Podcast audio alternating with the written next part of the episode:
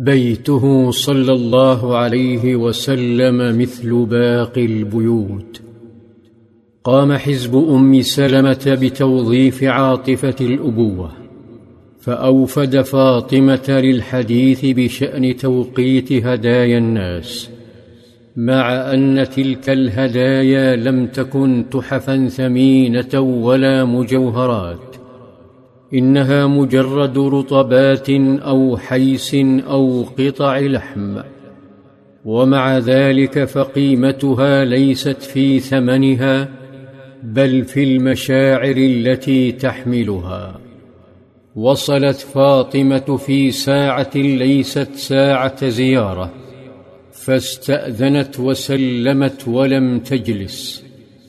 ظلت قائمة تكلم والدها الملتحف بمرط عائشة الصوفي وتقول يا رسول الله إن أزواجك أرسلنني إليك يسألنك العدل في ابنة أبي قحافة كانت عائشة تحترم فاطمة تحبها لذا سكتت.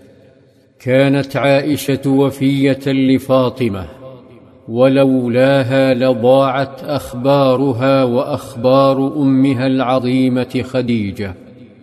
أما النبي صلى الله عليه وسلم فنظر إلى فاطمة وقال أي بنية ألست تحبين ما أحب؟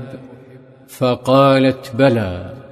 قال فأحبي هذه. شعرت الزهراء أن عائشة لم تسئ لأحد وأنها مجرد غيرة نساء فخرجت تحمل عائشة في قلبها. عادت إلى مؤتمر الحزب فأخبرتهن بما جرى فطلبن منها تكرار المحاولة فقالت والله لا أكلمه فيها أبدا. هنا نهضت زينب وقررت حسم الأمر بنفسها. زينب التي تثني عائشة عليها فتقول هي التي تساميني منهن في المنزلة عند رسول الله. ولم ار امراه قط خيرا في الدين من زينب واتقى لله واصدق حديثا واوصل للرحم واعظم صدقه واشد ابتذالا لنفسها في العمل الذي تصدق به وتقرب به إلى الله تعالى لكن فيها حده سرعان ما تنطفئ دخلت زينب التي زوجها الله فرأت عائشة التي برأها الله.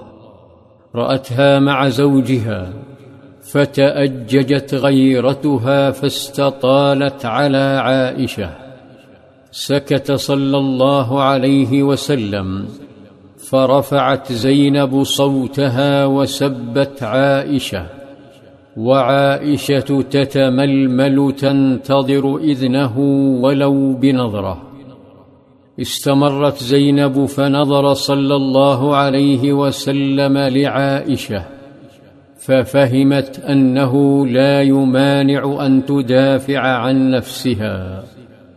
فانطلقت كلماتها تفند أقوالها تفحمها حتى أسكتتها فإذا بزينب تتراجع وتصمت. كان صلى الله عليه وسلم ينصت للرأي والرأي الآخر في شأن خاص جدا. ولما عجزت زينب عن الرد تبسم صلى الله عليه وسلم فقال إنها ابنة أبي بكر.